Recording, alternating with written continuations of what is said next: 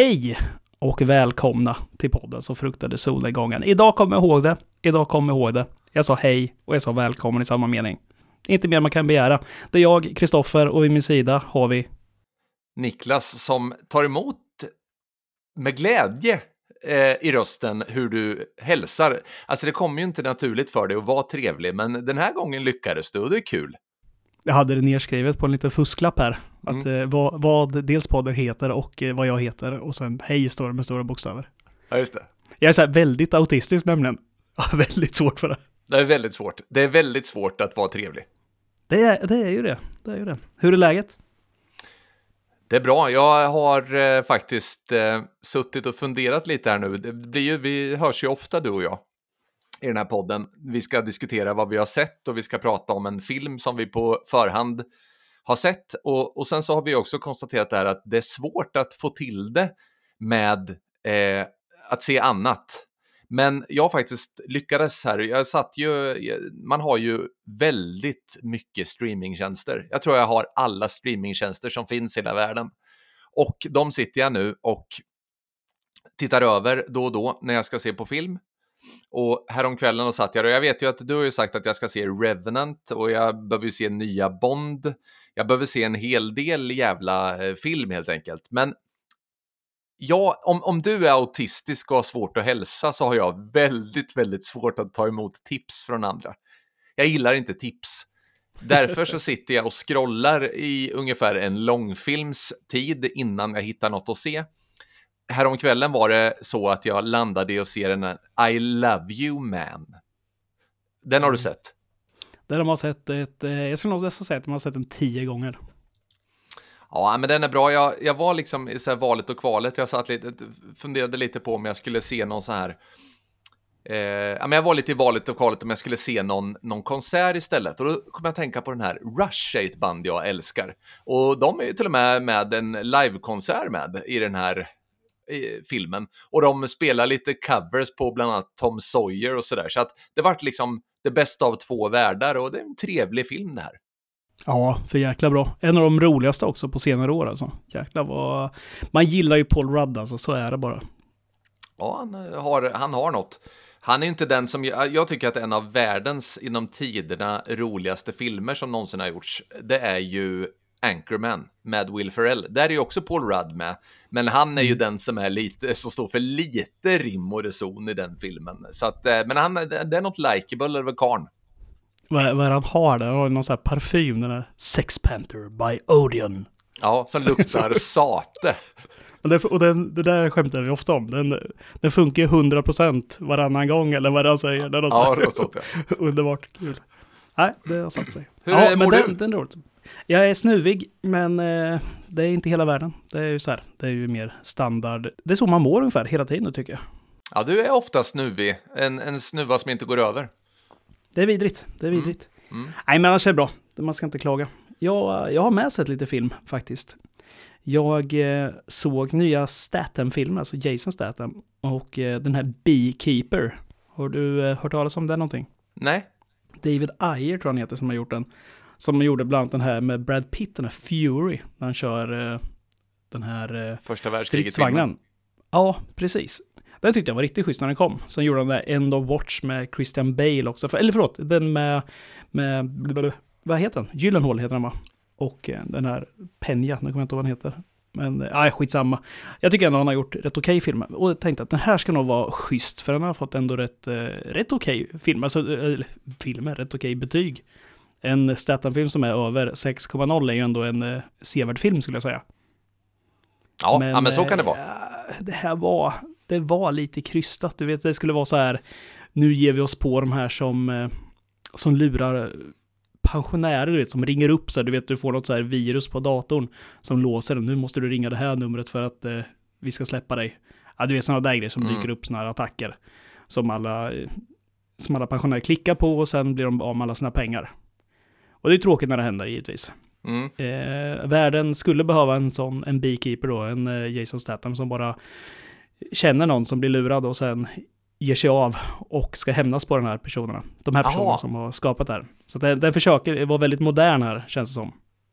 Men då ska han åka och spöa upp de här personerna då? Är det, är det tanken? Eller? Ja, det, det gör han. Och det gör Mm. han på sitt allra bästa sätt. Det är ju så här mycket armar som går av och fingrar som eh, sågas av och så vidare. Rätt brutalt. Ja. Men, men det var så här, det var ganska svag historia. Alltså det var, det, och det, man förväntar sig inte mer. Men det var perfekt som en så här, du vet, man, man är trött och vill ha en film som är över på en och en halv timme och man vill ha lite schysst action. Funkar det perfekt?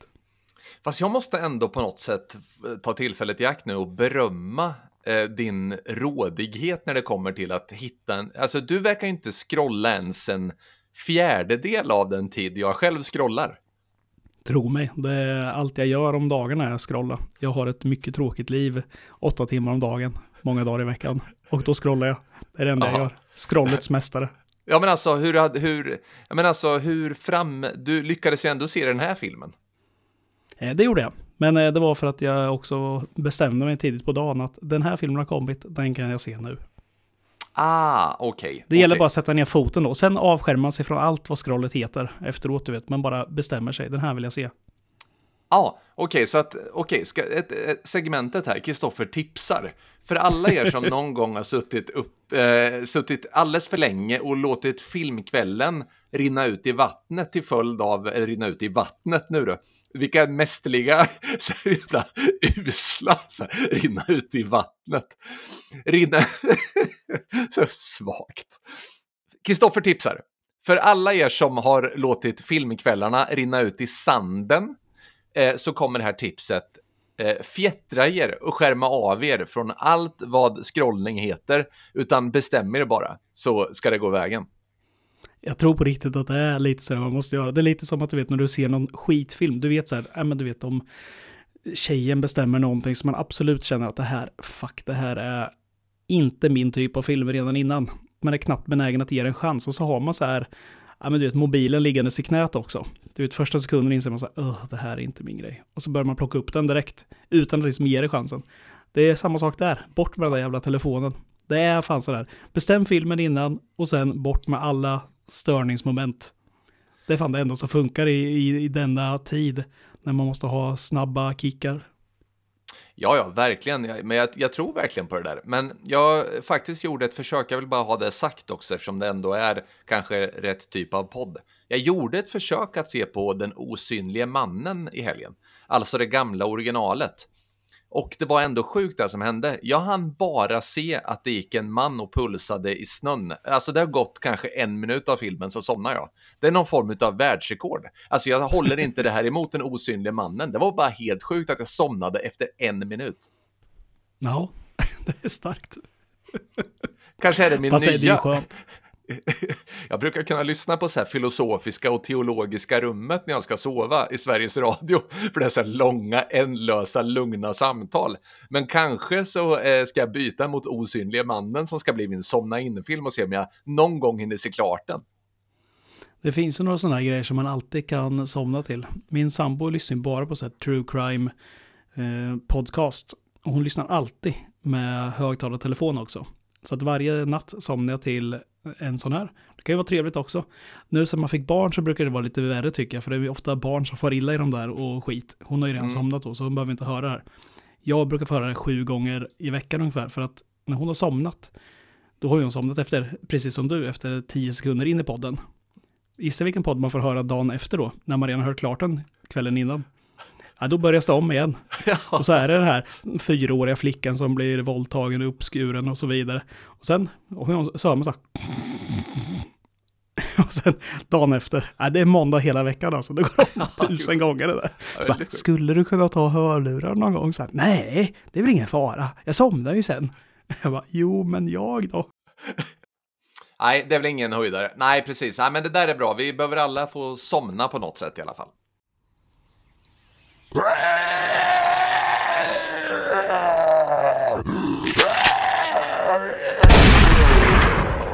Podden som flyttade solnedgången, zombieviruset i dina ådror. Vet du vad eh, jag tycker är väldigt kul? Eh, det, och det har faktiskt inte någonting med eh, denna podd att göra. Eller lite kanske det har. Jag är väldigt glad över att du och jag ska dra, dra våra svärd och eh, ge oss ut och spela rollspel för första gången i våra vuxna liv här. Vi har Mm. ju ett par bekanta som, eh, ja men en bekant som lyssnar på det här, Albin, han, eh, ja, men han, han var sugen på att starta igång lite och köra så här Warhammer-rollspel. Och vi har ju fått skriva våra karaktärer till detta. Och om du lyssnar här Albin, du förstår inte vad du har gett, du, då ska, vilka monster som skapas när du ger sån här frihet till oss. Det är alltså två totalt odugliga karaktärer som kommer ge sig ut här. Som, eh, ja, jag vet inte hur ni andra gör som, om någon spelar där ute, men jag misstänker att många har en fysik som inte duga och duktiga på svärd och trollform och så vidare. Men här är alltså två klåpare, du på, du på, ska alltså göra någon slags entré i denna värld. Va, vad tror du om det här? Nej, men jag tror just att det kan bli så att Ja, men på något sätt så har man låtit ens egen karaktärs ytterligheter, alltså ens sämsta ytterligheter, bli själva essensen för den här karaktären nu. Det blir jävligt kul. Alltså jag ser framför mig och, hur, det, hur det ska bli faktiskt. Jag ser verkligen fram emot den här spelkvällen. Ja, det kommer bli fruktansvärt roligt tror jag. Jag ska eh, verkligen gå in för det här. Det kommer vara otroligt kul. Det är väldigt roligt att vara lite sådär nördig tycker jag, när, ju äldre man blir. Det, det är kul att återupptäcka sådana här saker som man höll på mycket med när man var yngre. Det, det är för jävla fint. Ja, verkligen. På tal om kanske just rollspel, vi ska ju se, eh, eller vi ska prata, vi ska inte se, för det har vi redan gjort. Vi har ju sett eh, The Curse från 1987. Och innan vi går in där, jag vill bara säga det, alltså just han Will Wheaton som spelar eh, huvudrollen här, i den här. Mm. Han är ju en riktig sån här rollspelsnörd, alltså en riktig Dungeons and Dragonare, så kan man säga. Ah. Dragonare. Dungeons and Dragonare. Ja. Det enkla Ja. formuleringar. Mm. Nej, men han är ju, ja, han är ju fan nerdfather i hela världen. Han, han gjorde ju karriär genom, ja men först Gordy i Stand By Me. Just det. Och sen gjorde han ju den här, eh, ja men vad heter han, Wesley någonting, bla bla bla i Star Trek Next Generation. Så Han gjorde Wesley. Snipes i Blade. Det var alltså han som spelade Wesley Snipes som spelade Blade. Han körde som Robert Downey gör i Tropic Thunder. Då. Så Ja, just. Skokräm i ansiktet och sen... Ja. Nej, men han är ju med i Big Bang Theory och massa sånt där. Alltså otroligt nördig men eh, väldigt härlig skådis ändå tycker jag. Mm. Det är också nog lite om det, intressant. där. Jag, vill- jag vill bara säga, det var ju... Jag har tagit fram den här filmen på IMDB nu. The Curse alltså, från 1987 som vi ska se. Och då ser vi writers, eh, H.P. Lovecraft här. Det var ju, jag skrev ju att jag trodde att det var... Jag berättade om den här eh, Färg bortom tid och rum, den här, doku, eh, den här eh, ja, dokumentären, ja. den här novellen av H.P. Lovecraft. Och det är uppenbart Mm. då att den är eh, hämtad därifrån. Den är ju inte riktigt likadan, men i mångt och mycket likadan ändå på något sätt. Ja, men du hade ju helt rätt där. Det var väldigt kul där. Jag var tvungen att kika också på det. För den här, man känner ju igen handlingen ganska väl. Man har ju sett det här i mängder med eh, filmer Mm. och serier och så vidare. Och böcker. Men eh, den här gick verkligen med en röd tråd och följde.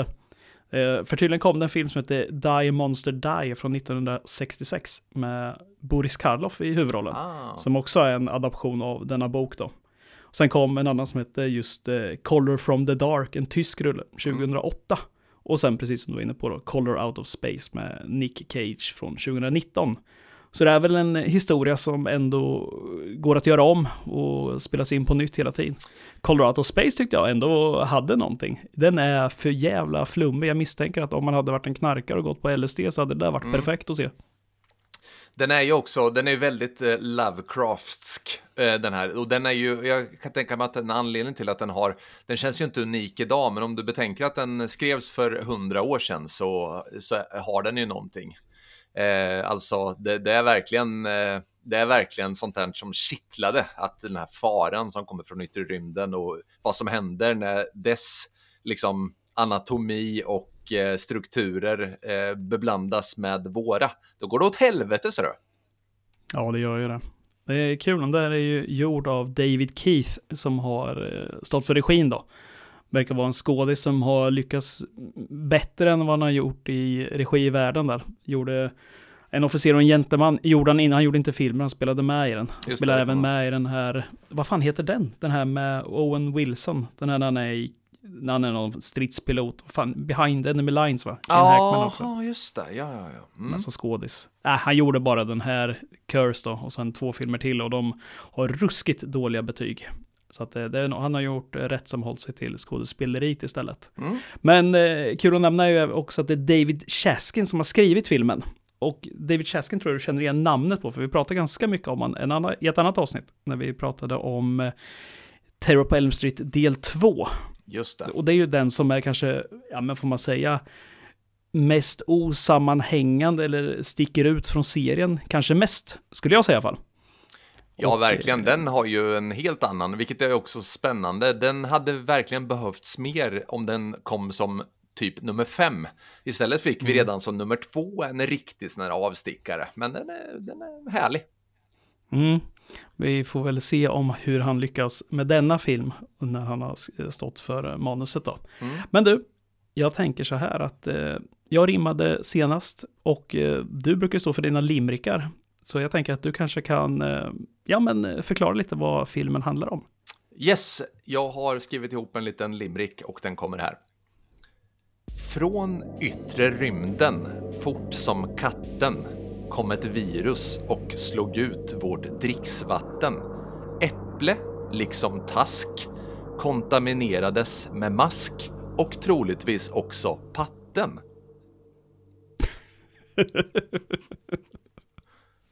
Ja, det är otroligt. Det är otroligt. Det här är mitt favoritsegment i hela podden tror jag. Varje gång det här Det dyker upp. sluta med att vi sitter med varsin basker och bara rimmar för varandra hela dagarna istället. Ja, jag skulle säga så här att om det är två personer som ofta kör fast och sen inte kan släppa sina egna dumheter så är det väl du och jag där. För att det är liksom, har vi rim så skulle vi kunna sitta ett helt avsnitt. Samma sak när vi börjar prata låtsas franska och kan sitta i en timme. Vilket vi gjorde något så här quizavsnitt också och satt och garvade själva. Folk lär ju tro att vi är helt eh, tokiga. Men eh, ja, men så är det också. Ja, ja. Vi kör ofta fast. Det Jag är tycker vad vi det är väldigt roliga. Det är vad det är. Ja, så är det. Men du, det, det var ett bra, det, det var en bra förklaring av filmen då tycker jag. Tycker Det ändå att den sammanfattar. Det är ju inte världens mest svåra filmer. Nej. Som du skulle beskriva heller. Så det, det, vi ska inte höja dig till skyarna här innan. Nej.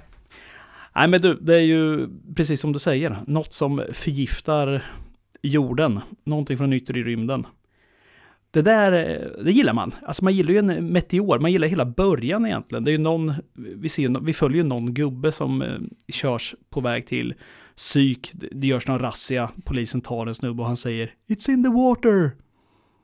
Ja. Det är ju en bra början. Du skrev det till mig och jag, jag tänkte på det också där. Det är en otroligt härlig början. Mm.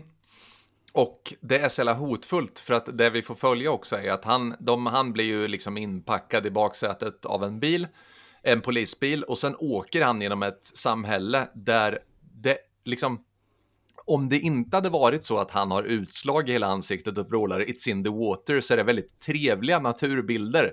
Det är någon som står med en så här vattenspridare och sprutar så här vatten på sina skrattande barn. Det är någon som står och dricker ur trädgårdsslangen så här. Och allt blir direkt jävligt farligt istället och känns direkt väldigt farligt fast det är så här trevlig musik eh, och så här fridfullt. Men eh, ja, det är effektfullt. Bra start tycker jag. Ja, verkligen. Det, ja, men det gillar man. Det är otroligt härligt. Jag gillar också musiken som går igång direkt här. För det är, eh, som jag också sa till dig här, jag, tycker på, jag gillar ju syntmusik. Alltså det här har ju väldigt så här 80-tals synt. Låter som någon blandning mellan New Order och, eh, vad- sa jag till dig? Som den här incest, eh, incestuösa sonen i eh, Deliverance som sitter och spelar banjo. Det Ja. låter som precis som man har tagit det här av varandra. Det, det är en italiensk eh, kompositör som heter Franco Michalizzi som har gjort den här. Eh, risk för uttalet där. Men eh, jag tänkte så här, fan kanske man känner igen från någonting, så jag tycker ändå det påminner om någonting. Men jag känner inte igen det alls. Det enda jag kunde härleda det till var att han har gjort hela, han har gjort, han gjort jävligt mycket musik, men gjort det till den här, på svenska heter den, de kallar mig Trinity, djävulens högra hand, Ja, just det. med, vilka är det? Bud Spencer och eh, Terence Hill va? Klassisk. Ja, det där jäkla humorparet. De, de gillar man när man var yngre. Det gör man verkligen. Vad härligt. Ja, jag gillar den där musiken i alla fall. Mm. Tyvärr spelas den där musiken alldeles för högt och alldeles för ofta i den här filmen. Det är väldigt mycket den där syntmusiken. Men, Ja. men det är kul. Ja, nej men så är det.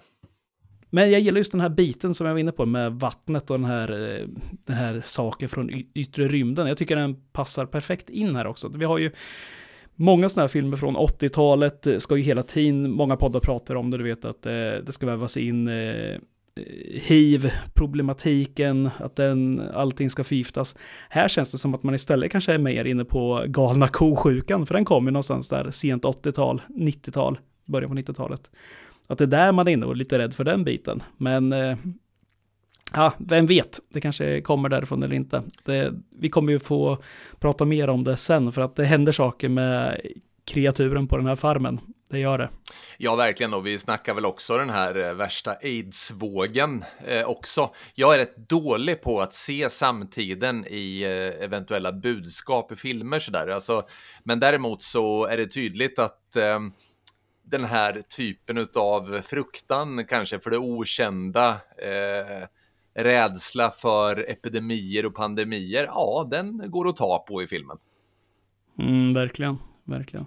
Men fan vad snyggt är den här meteoren då, eller vad det nu är för någonting, bara far genom rymden, kommer ner, ner mot jorden och sen kastas in där i det här lilla, ja men det här lilla farmsamhället mitt ute på vischan så går den genom skog och kraschar i backen där. Den har ju någonting när den landar där och ligger och glöder i så här härligt neonljus. Mm. Det är snyggt alltså. Ja, det är faktiskt väldigt snyggt och det här är ju, nu vet jag inte, det går väl att ta reda på ganska snabbt, men det känns ju inte som en film som har alla pengar i världen, men jag tycker verkligen att de har gjort vad de kan med det de har. Ja, men här tror jag det är ganska låg budget. Eh, nu 87, jag har ingen aning hur mycket det var då, men 1,9-1,7 ja. miljoner dollar tror jag det står. Ja, det, stå, det gör det. Flopp, ja, floppade ju totalt där, spelade mm. tydligen in, eh, ja, eller det är så mycket kanske den spelade in och den kostade fyra. Nej, något sånt där var det. Den spelade in typ hälften i alla fall ja. av vad den kostade. Eh, det är ju tråkigt, men alla kan inte vara vinnare. Nej, så är livet. så är det, tyvärr. Nej, men den är bra. Och i övrigt då, vad får vi, vad får vi följa?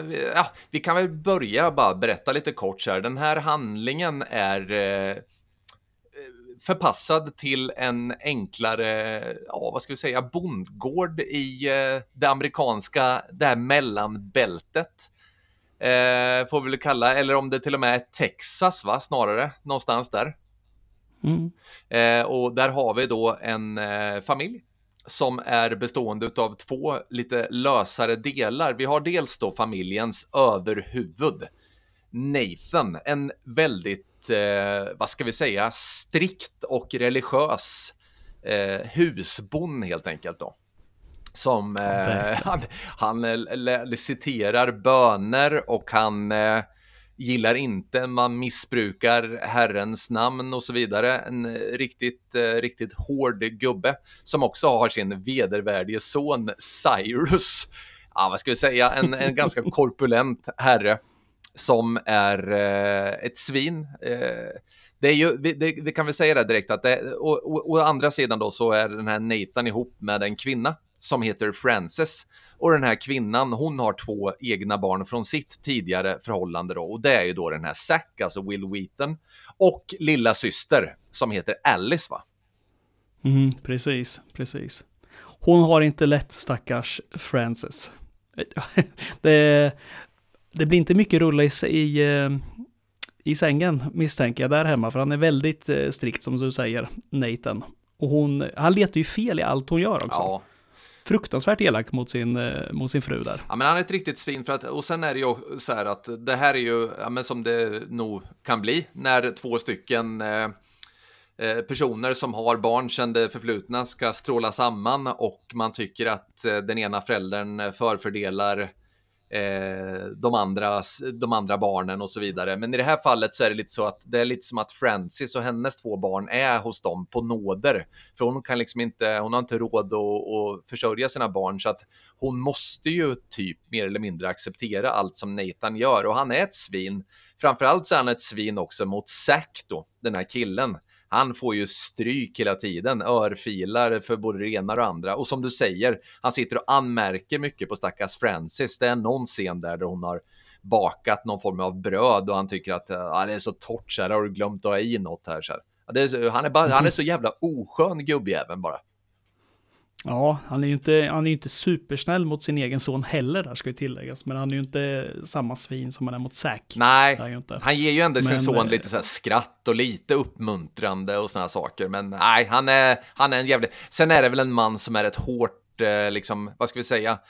Det går ju inte riktigt ihop sig ekonomiskt och han eh, sitter och räknar där på sin eh, lilla skrivmaskin och försöker, eh, du vet, få saker och ting gå ihop. Så att det är väl en man under press också får man väl anta. Så är det. Gamla skolans man är det, som vi pratar om i alla fall. Mm. Och eh, den här sonen, Cyrus där, om, om farsan är ett svin så är Cyrus ett ännu större svin skulle jag nästan säga. Mm. Han eh, påminner väldigt mycket i utseende om eh, den här äldre brodern i Ensam Hemma. Heter han Bass? Bass, ja.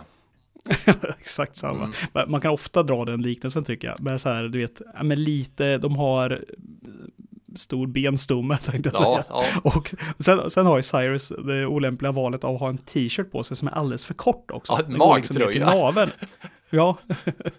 ja, så att eh, skåran visas konstant. Mm. Eh, vilket vi kommer komma in på sen också. Det är oerhört roligt. Kom på nu. Eh, nej, han är oskön.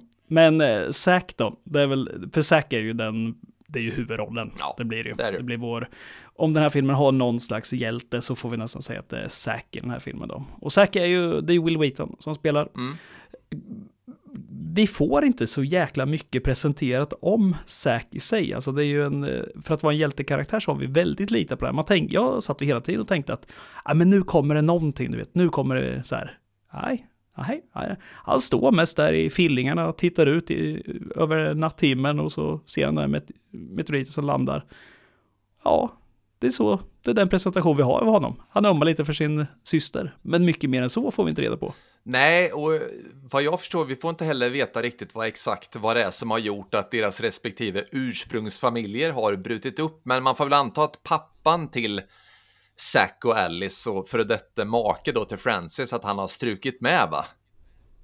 Ja, på något sätt. Ja, På något sätt är han ute ur bilden mm, ja det är han. Eh, ja, men som sagt, de står och tittar på över stjärnhimlen och eh, medan Francis då, hon gjorde väl någon form av anspråk på att i alla fall få ta sig till andra bas ihop med Nathan, men han är ju han är, ju, han är ju värre än Carries mamma liksom vad gäller händerna på täcket, så det går inte. Istället så går hon ner till drängen som glider runt i bar Uber. väldigt, ja, det är väldigt, väldigt kul. Ja, och här undrar jag vilken typ av film det var vi kollade på lite, för att det vart, eh, ja men den här syntmusiken påminner väldigt mycket om eh, TV6 klockan 24.00 helt plötsligt när den går igång där. Och, och det var ganska höga stön. Ja, var- ja. skrattade lite. Ja, det gjorde vart det lite eh, fickpingis där hemma. men, men, men snabbt eh, slogs det ner där, för alla människor behöver i regel avstå från något och jag fick, eh, ja, jag valde pingpong här. ja. Ja, så, men eh, det- är en otrolig scen där. De räds inte rygghåret heller. Rygghår måste man komma in på. Det brukar alltid plockas bort i filmer. Alltså som Ja. något väldigt eh, ofräscht. Mm. Nu sitter man ju själv här med Chewbacca-ryggen. men eh, i den här filmen då är det liksom, det är accepterat. För att man ser inte så mycket i den här. Det vi har inte 80-talstuttarna som dyker fram direkt här, utan vi har en hårig mansrygg som ligger och guppar istället. Ja, och att han inte, det brukar ju också vara så att man kanske så här om du ska göra en grej av att den här drängen ska gå runt i bar Uber ständigt så brukar han ha en annan typ av fysik kanske också. Det är ju bara en vanlig kar, vilket är härligt. Så här. Ja, verkligen. Det, är- nej, men det, det är fint det där. Man kan tänka sig att det kanske inte fanns jättemånga att välja på. Alltså, det är inte, de lever ju inte i något samhälle det här, utan det är ju en, alltså närmsta drängjävel tänkte jag säga. Ja, ja, verkligen. Ja, det är härligt. För det, det är väl här det blir lite, alltså vi har den här som har kraschat då i skogen, Mm. som eh, kommer spela en stor del av filmen. Och så har vi det här att hennes otrohet lite också. Jag skulle säga att det är det liksom som blir de två hoten i filmen, alltså som skapar hoten. För att vi har ju Nathan som är superkristen, eller religiös i alla fall, och eh, han ser ju inte med blida ögon på det här, att hon beter sig som hon gör. Nej, Och så har vi, och det, det kommer, eh, det kommer de fara illa av. Eh, men vi har ju även den här som ligger och pulserar ute i skogen då, den här meteoren. Och eh, den gör ju saker med, med vattnet så att säga. Ja, alltså de går ju in, om vi går lite händelserna i förväg här, den gör ju någonting med vattnets eh, molekylära struktur på något sätt. Och det här gör att... Berätta lite mer om det. det, det, vet du vad? Nu är jag ute på lika djupt vatten som när jag eh, pratade, när jag helt seriöst pratade om att plocka ut rådata. det är faktiskt väldigt kul det här. Nu blir det väldigt internt här, men den som känner mig vet att jag har, jag, jag är väl inte en man med särskilt många förtjänster alls, men en eh, av de förtjänster jag absolut inte har så är det teknisk kunskap. Eh, och då pratar jag, och utan att skoja så pratar jag om att plocka ut rådata ur en dator, varpå du frågade berätta om rådatat. Och på något sätt avslöjade mig då som en, som en fraud, vilket jag nu också är som, som biolog, alltså jag vet ingenting om. Men jag tror det är ganska exakt så de uttrycker det i filmen. Det är någonting med vattnets molekylära eh, struktur. Så det är alltså inte mina ord. Nej, det är roligt. Man får sätta dit varandra i den här podden. Så är det. Jag, jag citerade Korins i brevet en gång, så att eh, det, det är inte mer än rätt att eh, man sätter dit varandra när man har på känna att man inte har täckning för det. Precis. Det vore, det vore väldigt kul om jag hade svar där och berättade exakt hur DNA bryts ner. Nej, men på något sätt, det här gör ju att vattnet får egenskaper som det normalt inte har. Eller ska vi säga att dels till synes så ser det ju ut som att det förstärker, alltså Francis ska ju gå och plocka eh, grödor, alltså kål och, och sallad och sånt på ett ställe. Och kommer dit och märker att åh gud vilket underbart, liksom vilken effekt det har fått. Alltså vad, vilka stora fina frukter, vilka fina, liksom vad fint kolet och salladen är. Hon kan plocka en hel korg, det har gått trögt innan men det går skitbra nu. Men när hon kommer hem då och öppnar kolen och känner att det luktar lite illa, men då är det ju någon så här var och mask och skit i, eh, i salladen. Så att det, till synes ser det bra ut, men det är åt helvete helt enkelt. Mm. Får väl att de liksom växer, alltså så här, som genmanipulation, liksom att det växer något fruktansvärt där och ser ju väldigt fint ut. Det är ju det är härligt. Alltså jag gillar den där biten när hon verkligen skär upp det här. Det är väl en tomat va? Eller är det ett äpple? Det kanske är både och till och med. Ja. Och eh, det är fullt med de här maskarna. Jag tycker den effekten är jävligt snygg. Alltså mm. jag gillar det här. Att det är, att det är slaskigt på något sätt. Mm. Du vet, det är inte bara så här. Det är inte lite sörja, så här, det var lite ruttet, utan det är Ja, men om det finns olika stadier på ruttenhet så är det liksom, där är 100% ruttet. Det, det gillar man. Ja, verkligen. Och det, det är ju det ena. Men sen så har det ju någon form av effekt på människor som har exponerats för det också. Eh, det, det visar sig först som ja, elaka utslag i ansiktet och den som råkar ut för det först här det är ju Frances. Hon eh, får en, eh, ja men det ser ut som en riktigt eh, riktigt elak jävla finne till att börja med som sen växer och blir eh, riktigt vedervärdiga utslag helt enkelt. Ja jävlar vad det sprider sig snabbt det där sen. För i början var jag så här, när det bara kom en liten så här, jag tänkte så här, vad fan såg hon ut så där? Alltså du vet så här, det bara var en så här liten, ja men en vårta. Mm. Det, fan, folk, man har ju sett folk som har vårta, ja, liksom inte tänkt mer på det. Så här, nej vad fan så kan hon inte sett ut. Så här, konstigt att de hade liksom en sexscen med henne, när hon är det enda liksom attraktiva i filmen. Mm. Och sen skulle haft en vårta. Nej men sen tog det ju en minut till, sen hade hon ju 15 sådana där. Mm. Och då okej, okay, nu är jag med på noterna. Samma sak med han filmen börjar med också, som satt i den här polisbilen och vrålar It's in the water. Han har ju också ett rejält, en rejäl vårta på sin kind. Ja, det har han. Det har han. Och det här, hon börjar ju helt klart genomgå en eh, ganska allvarlig förändring. För att det här sätter sig också på nerverna på något jäkla sätt. Så hon blir ju, hon blir ju, vad heter det, hon blir personlighetsförändrad och eh, lite först lite disträ och sedan direkt hotfull här ju. Mm. Ja, det...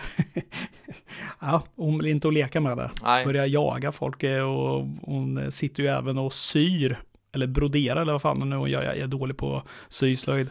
Men, eh, och sitter ju och syr liksom rakt in i sin hand där också. Det ser ju för jävla otäckt ut. Mm, och skriker, det blir lite så här Exorcisten-vibbar, för då får de liksom bända loss henne eh, från eh, sitt sy, sygöra och så här, bära upp och nästan så här fjättra vid sängen. Och det är ju lite ja, precis. sorgligt. Ja.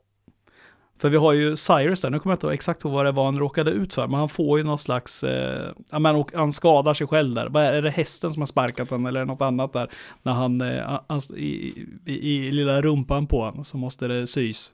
Ja, men verkligen. Och det, och det är ju faktiskt en av, av filmens allra roligaste scener, det som händer sen. För att, jag vet inte om du vill ta den, men ja, som sagt, det är ju hästen som sparkar Cyrus, att han ramlar ner med röven före och får taggar i den. Mm. Och hon sitter där och ska plocka ut de här så Frances får ta, får ta dem. Och sen visar det sig att hon liksom sitter och drar streck där mellan liksom connecting the dots tror jag hon säger. Ja, exakt så säger hon. Och då, då, då, ja, då har hon ju blivit liksom full-blown eh, galen. För det, då märker man så här, nej men du, lugn nu. Ser ut som en så här stjärnhimmel som hon har suttit och ritat upp där på hans lilla rumpa. Ja, men så här som man gav barnen när de var små, så här, du vet att eh, siffran ett för att hitta tvåan, dra ett streck dit. Så sitter hon och gör, fast på hans röv då. Och det är ju väldigt roligt. väldigt roligt. väldigt roligt. Jag kommer ihåg att Mad, kommer du ihåg serietidningen Mad? Ja, ja. Den, eh, den hade något bra, en sån här grej. Det var ju samtidigt som Guns N' Roses fortfarande var hyggligt stora. Då hade de exakt en sån där, så här liten stripp när det var, som gick ut på att så här, connecting the dots on Axl Rose eh, underarm. Mm. det var också väldigt kul. De, eh, de var före sin tid med, med mångt och mycket. Ja, det får man säga. Kul. Det får man säga. Nej, men så att egentligen så här, och, och jag vet inte om det har lite med den här gamla så här, patriarkviljan hos Nathan, men det finns ju en doktor med i filmen som faktiskt verkar tycka att det här är lite skumt, det som håller på att hända lite här och där. Och det är väl den här doktorn Willis, va? Mm. Och han är ju, eh, han, han är ju där då och då och Eh, men blir liksom lite motarbetad för Nathan vill inte gärna ta hjälp utifrån utan han tycker att den här familjen ska eh, ta hand om sin egen skit och han driver ju tesen också att eh, Frances genom sitt beteende har lett Guds vrede över dem liksom så att eh, på något sätt så tänker han att förbön här ska vara det som hjälper dem istället för doktorer egentligen. Ja, precis. Exakt. För att det är väl liksom den storyn vi har om Francis lite.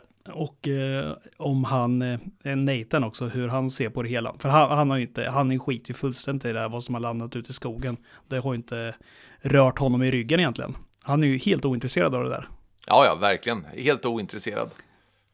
Någon som inte är lika ointresserad är den här för, för att alltså, alla sådana här filmer har ju, alltså de bygger på sina karaktärer. Vi har den här fundamentalistiska styvfadern, alltså Crane, vi har den sexuellt frustrerade, ja, hustrun. Mm. Och, och så har vi den här dumma redneck-sonen, Cyrus. Och sen har vi givetvis det här, ja, men som kommer, kommer att kunna bli kanonmat, för det finns i alla filmer. Den giriga mäklaren.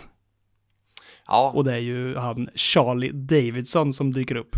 precis. Så han vill ju gärna sälja den här farmen åt han, han, han har ju liksom, han slår lite klorna i, i det här faktumet att de har svårt att få det att gå ihop så här, medan det ändå är värt någonting så tycker han att nej, men han ska vara schysst och hjälpa dem att sälja. Så han, han tjatar ju här va.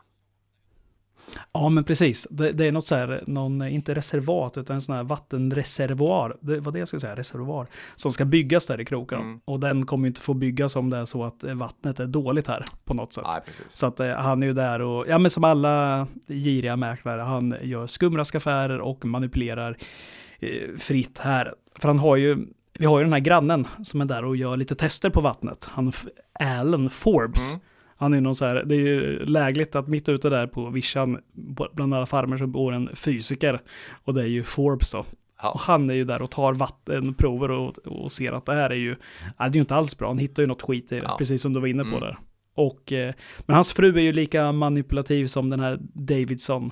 Och eh, de får ju honom liksom att vara så här, ja men du, vad var det för något där ute i skogen egentligen? Så här, alla vet ju att det är något från rymden, men han är ju där så här, ja men som fysiker så har jag upptäckt att det här är faktiskt en, vad, vad är det han säger? Jag tror att han säger i stort sett så här på svenska, det är en bajamaja som har, som har lossnat från ett flygplan och sen åkt genom atmosfären ner och sen liksom förstenat eller eh, brunnit upp och blivit kol och så vidare, bla bla bla bla. Mm. Det, det låter väldigt eh, otrovärdigt just då, Mm. men det är väldigt kul tycker Mm. alla att det är en bajamaja.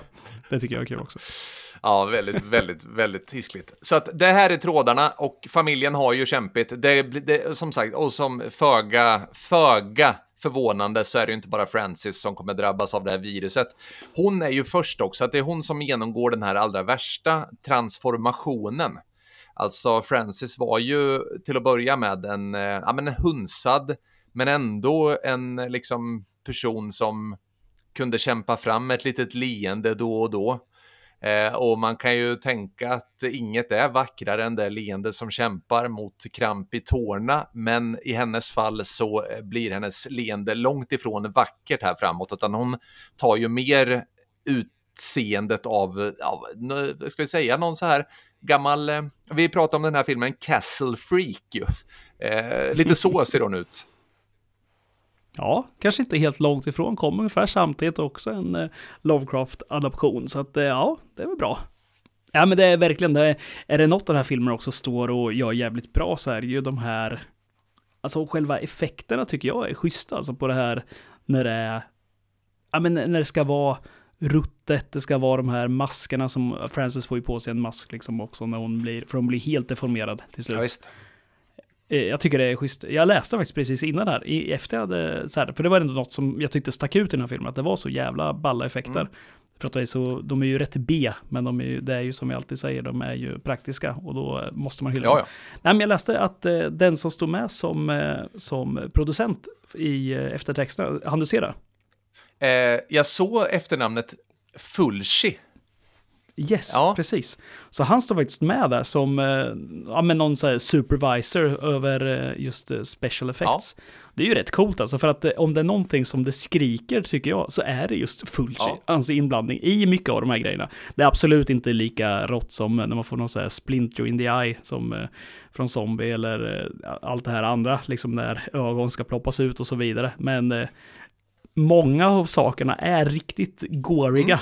Mm. Det är så gårigt det kan bli i amerikansk film, skulle jag nästan säga, från 80-talet. Och det är verkligen eh, lite sådär fulshi eh, take på, det, jag håller med dig där. Det är verkligen det här med att du vet en långsam klo går mot halsen och börjar så här, luckra upp grejer. Jag tycker också så här, det är ju en scen när Alice blir jävligt hårt attackerad av hönorna. Hönorna blir ju inte kloka. Och när de börjar picka på henne så här och hon ligger och kämpar så här, det är lite så här känsla. Verkligen. Den eh, scenen hade kunnat bli så jäkla eh, otäck mm. tycker jag. Tyvärr blir den inte alls utan det blir nästan så här som man sitter och skrattar lite för att de här, det är någon så här konstig musik och den blir eh, den här filmen tar sig på för stort allvar eh, väldigt mycket. Mm. och, det, den, den, lyckas inte träffa den ton som behövs för att göra den scenen riktigt otäck, tyckte jag i alla fall. Nej, men, eh, nej. Det kan vi komma in på sen. Nej, men, men så är det väl lite grann. Samtidigt så kan man också uppskatta, tycker jag, att den tar sig själv på allvar. Den försöker göra en läskig science fiction-skräckis här och ja, det, Ja. Absolut, ja, det, det, var bara just i den scenen mm. egentligen med den här med kycklingen där. Jag, jag, fick inte ihop det riktigt. Det är samma sak som vi har ett par hundar som också blir så här eh, påverkade av vattnet. Och du vet, de ska springa och ha ihjäl någon. Det är väl den här Ester, tror jag hon heter, som går åt. Mm. Och de här hundarna springer där och vika, viftar på svansen liksom. Det är väldigt svårt att se. Ja, men det, ja den är som ja, Cujo ju. Fast hunden ja, är jätteglad. ja. ja, det är svårt att bortse från sådär tycker jag. Jag tycker alltid man kan ha filmat det där på annat sätt. Men, men, jag fattar att det är svårt att jobba med djur, speciellt när det är på 80-talet också. Man kanske inte har effekterna. Och det är ju skönt att man inte klipper av svansen istället. Så att det, det är väl bra ändå. Mm. Men ja, kul grej. Men det finns, eh, det finns ju lite roliga grejer där. Den är som sagt eh, hundarna som attackerar. Men vi, vi har ju hela det här nu när familjen i sig, alla blir ju påverkade av vattnet. Alla utom Zack och eh, vad hette hon för något? Nu, eh, Alice. Alice, mm. så heter hon. För Zack har ju lärt sig det, han har ju sett vad som händer. Mm. Och han, eh, Alice har ju, ja men hon har blivit hårt åtgången av kycklingarna. Och hon, han fattar att han inte ska ge henne vattnet också, eller mat eller någonting därifrån. Så han går ju och hämtar mat från grannen där istället. Precis. Och livnar sig själv och, och syrran med. Mm. Ändå smart av Ja, ja, visst, verkligen. För att de andra eh, går ju, och det är väl lite, vi kan väl komma in på det, men, men föga förvånande som sagt var så både Cyrus och Nathan råkar ju ut för det här viruset och eh, var de elaka till en början så blir de inte mer trevliga så att säga av det här viruset. Ja, verkligen. Ja, de blir eh, ruskigt otäcka. Mm. Men då, det är också väldigt kul när de, eh, precis när det här slår till, alltså när, för det är ju inte så att det går på minuten där, utan det är väl dagar eller nästan veckor innan liksom du blir, ja men hundraprocentigt eh, tagen av det här. Ja, Men de har, ju, de har ju en del, först åker ju de ut och så ser de ju samma sak som eh, Francis redan har sett, att eh, ja, men all skörd är ju förstörd Mm, helt och hållet. visst. Det är, då, det är då lite som att Nathans liv går från att ha varit, om det var dåligt innan så är det här liksom pricken över i. Nu gick allt åt helvete, allt är ju kört. För att eh, allt som såg bra ut är bara skit. ja visst. Och tyvärr.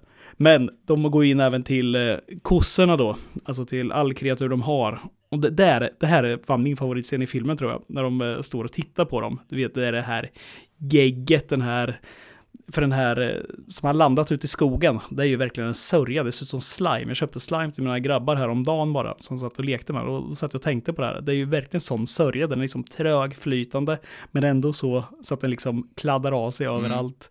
Och den har sjunkit ner där i backen och den, har- den lägger sig liksom i, på det äckligaste stället. Du kan tänka dig på en eh, kossa också, liksom där på, men runt spenarna, runt underlivet, är liksom bara klafs. Ja. Du vet som att man petar i ett så liksom som är så här, när det nästan är dött, det bara faller sönder. Ja, det är så jävla äckligt det där när de står och tittar på Mm. Ja. den här kossan.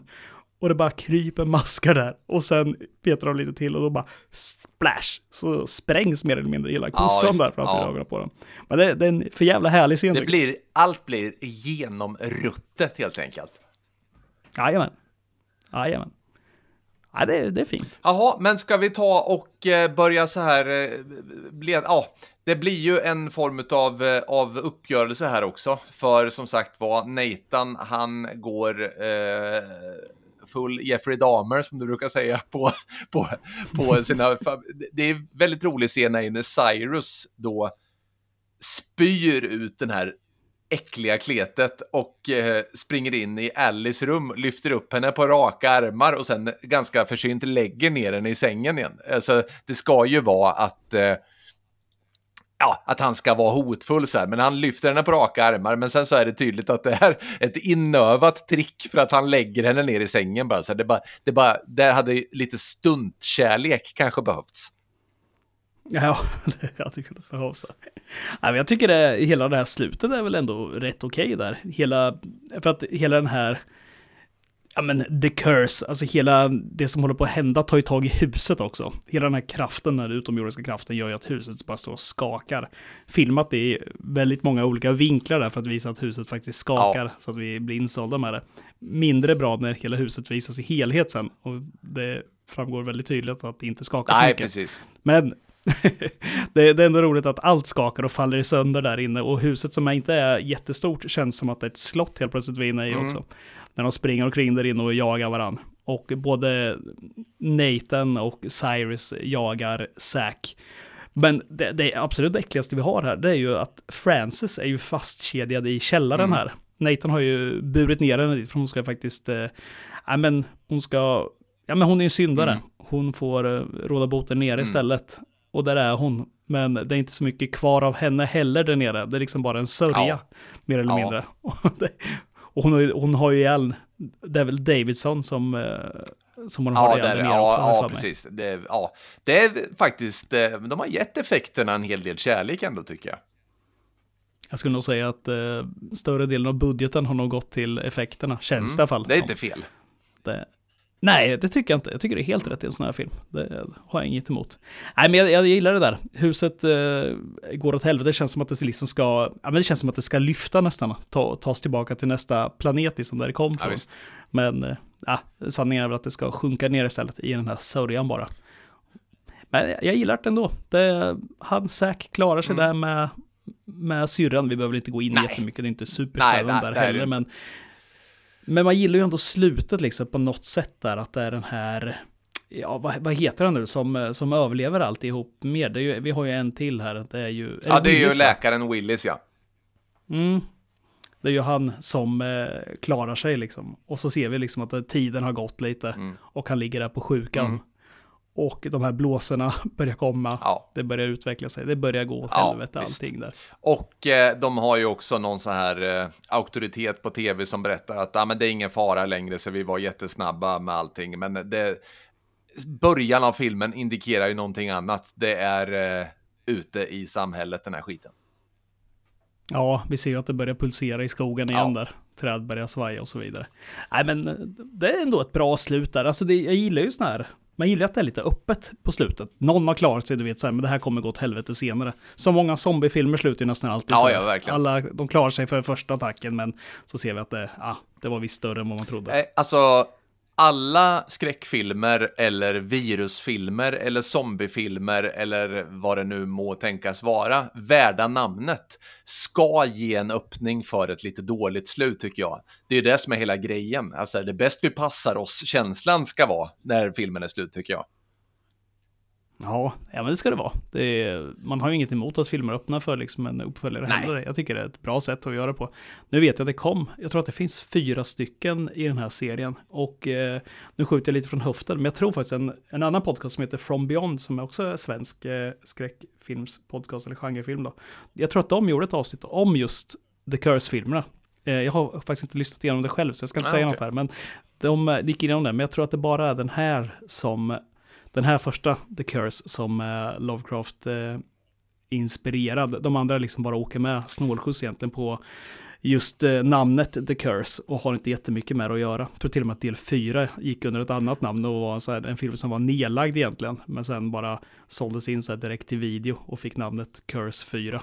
Ja, så är det. Men ja, podden som fruktade solnedgången kommer nog inte nudda vid den här franchisen, men eh, lyssna på From Beyond istället om ni vill höra eh, vidare filmer där helt enkelt då. Absolut. Jaha, men du, eh, vill du dra någon scen du tycker är speciellt bra eller vill du bara göra en sammanfattning av, eh, ja, om Ja, filmen? men jag kan slå ihop båda. Jag, som sagt var, jag har ju läst novellen. Jag tycker att det är lite tungt att läsa Lovecraft om jag ska vara ärlig. Jag tycker det känns, alltså, jag förstår att det en gång i tiden var otäckt eh, och eh, det är kittlande att man är så före sin tid. Men jag har svårt att frambringa liksom den här riktiga fruktan för de här novellerna, hur bra de än är. Den här filmen är ju en härlig take på, de, på den här eh, novellen då. Eh, färg bortom tid och rum. Eh, jag tycker att eh, filmens eh, förtjänst som vi har varit inne på ligger lite i Eh, just effekterna. Eh, att man eh, vågar stå, det blir en hel del gore. Eh, och musiken, härlig, stämningsfull. Jag tycker att man faktiskt ger en rätt vi konstaterar att bakgrundshistorien om varför eh, ursprungsfamiljerna har splittrats upp, den får vi ju inte riktigt. Men jag tycker ändå att vi får en tid på den här bondgården utan viruset, så man vet lite liksom mot vilka vardagsbesvärligheter som den här familjen eh, kämpar och vad de har för, för mål med sitt liv och vilka hinder och så vidare. Det är bra. Eh, samtidigt så är den ju, alltså det, den är ju väldigt platt och väldigt enkel på sitt sätt. Den gör väl inte heller anspråk på något annat.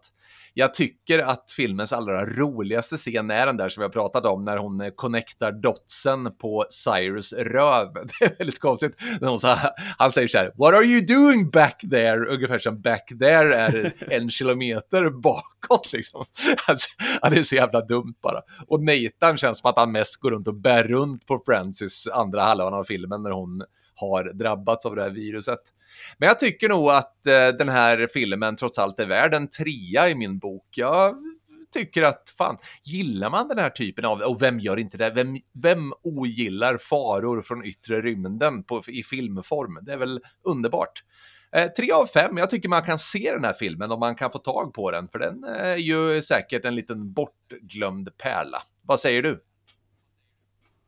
Jag håller väl med dig i det mesta också. Jag, ja, men effekterna, musiken, musiken alldeles för hög, alldeles för eh, ofta inlagd tyvärr. Eh, även om den är bra så sticker den, lite, så sticker den ut för mycket. Men, ja, men jag, jag, jag gillar ju, alltså jag gillar själva handlingen, jag gillar premissen, men jag vet inte fan, jag, jag kom på mig själv, du vet, att bara så här zona ut alldeles för ofta. Jag tror jag zonade i tre omgångar och då är det ändå en film som inte ens är lång. Vad är den? 1.32? Ja, Max. Det är liksom, Ja. ja.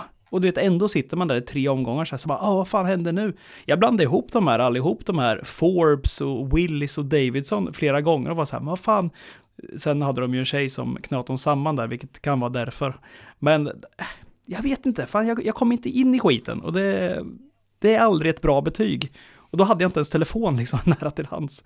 Så att äh, om du säger en trea, då säger väl jag en tvåa på den. För att eh, så var det. Det var ju inte usel eftersom det fanns eh, som sagt höjdpunkter i den.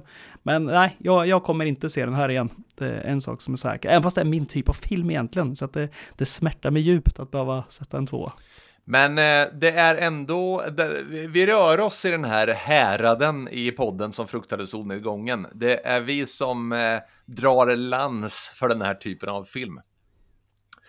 Så är det. De här måste, alltså sånt här måste uppmärksammas mer. Det finns för mycket nytt där ute som får för mycket uppmärksamhet, som är faktiskt bra mycket sämre. Mm. Och som rör sig med större budgetar också. Så att de här filmerna, de förtjänar att nämnas igen. Och nästa vecka är vi tillbaka igen med en ny film. Vi brukar göra någon liten instickare då och då med någonting som känns ännu mer kvalitativt. Men eh, jag tror nog att vi kan kosta på oss att köra någon mer 80-talsrökare till nästa vecka.